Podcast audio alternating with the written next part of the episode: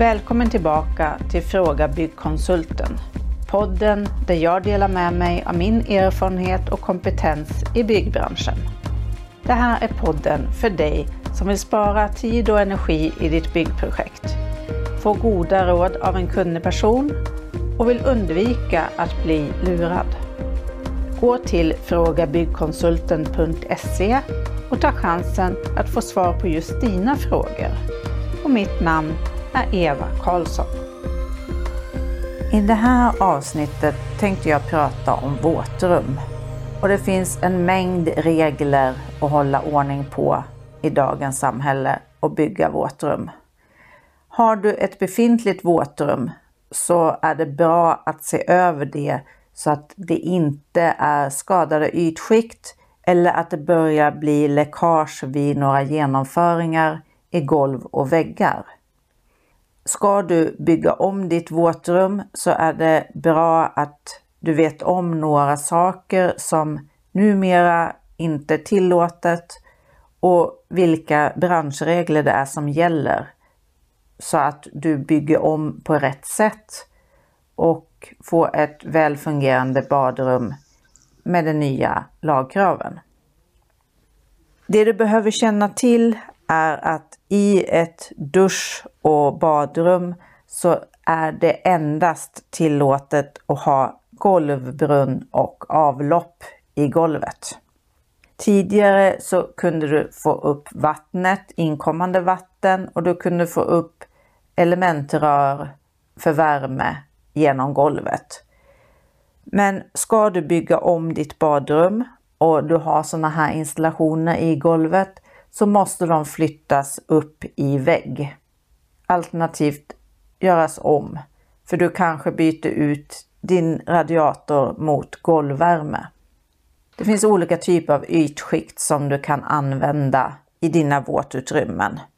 Det är väldigt vanligt med kakel och klinker, men det går lika bra att använda en plastmatta eller ett målat system om du har en toalett som ska byggas om.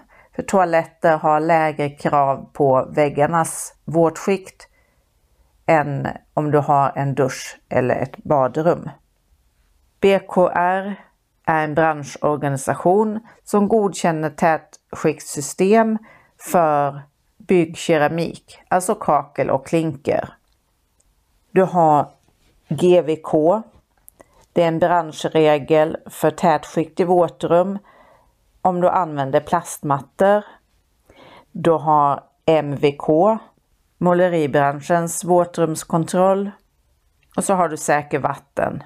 Och det är branschregler för rörinstallationer i våtrum.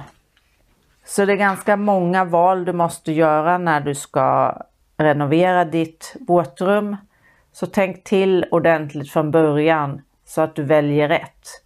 För det är ju dyrt att behöva göra om om du skulle utföra någonting felaktigt. Där det ofta blir problem i vårt rum är vid golvbrunnarna. Det är viktigt att golvbrunnarna är rätt monterade och att golvbrunnen ihop med det underlag som du har valt på golvet, om det är plastmatta eller om det är klinker, att de är godkända som ett system tillsammans. Det är även viktigt att veta att golvbrunnens tätskikt är rätt monterat. Om du har en vägghängd toalettstol så är vattencisternen gömd antingen i väggen eller som en liten utbyggnad på väggen. Då är det viktigt att du har ett litet skvallerrör som visar på om det skulle bli läckage på den här vattenbehållaren. Och det måste rinna ut på golvet så att du lätt upptäcker det och kan åtgärda felet innan din vägg tar skada. I utrymmen där du har tvättmaskin, om du har en värmepanna eller en varmvattenberedare så ska du ha ett vattentätt underlag och du ska ha en golvbrunn så att vattnet har någonstans att ta vägen om det skulle bli läckage.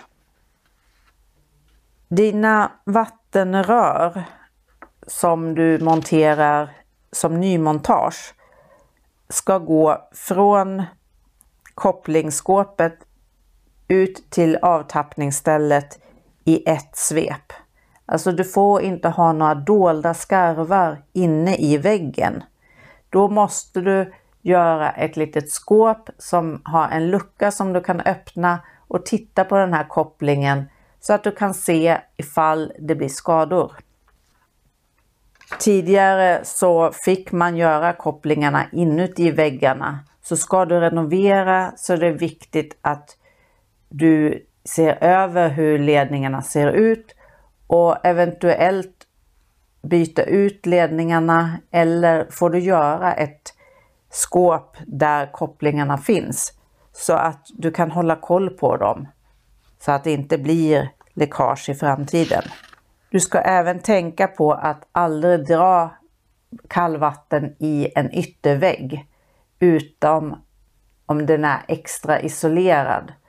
För att annars är det risk för att vattnet fryser i ledningen och då kommer den sprängas och det leder till vattenskador. Tyckte du om det du har hört? Tryck tumme upp och skriv en kommentar. Och dela gärna till dina vänner så att fler får ta del av min kunskap. Om du vill ha svar på en fråga, stor som liten, så gå till frågabyggkonsulten.se. Du är aldrig ensam om att fundera på något. Vi hörs snart igen och mitt namn är Eva Karlsson.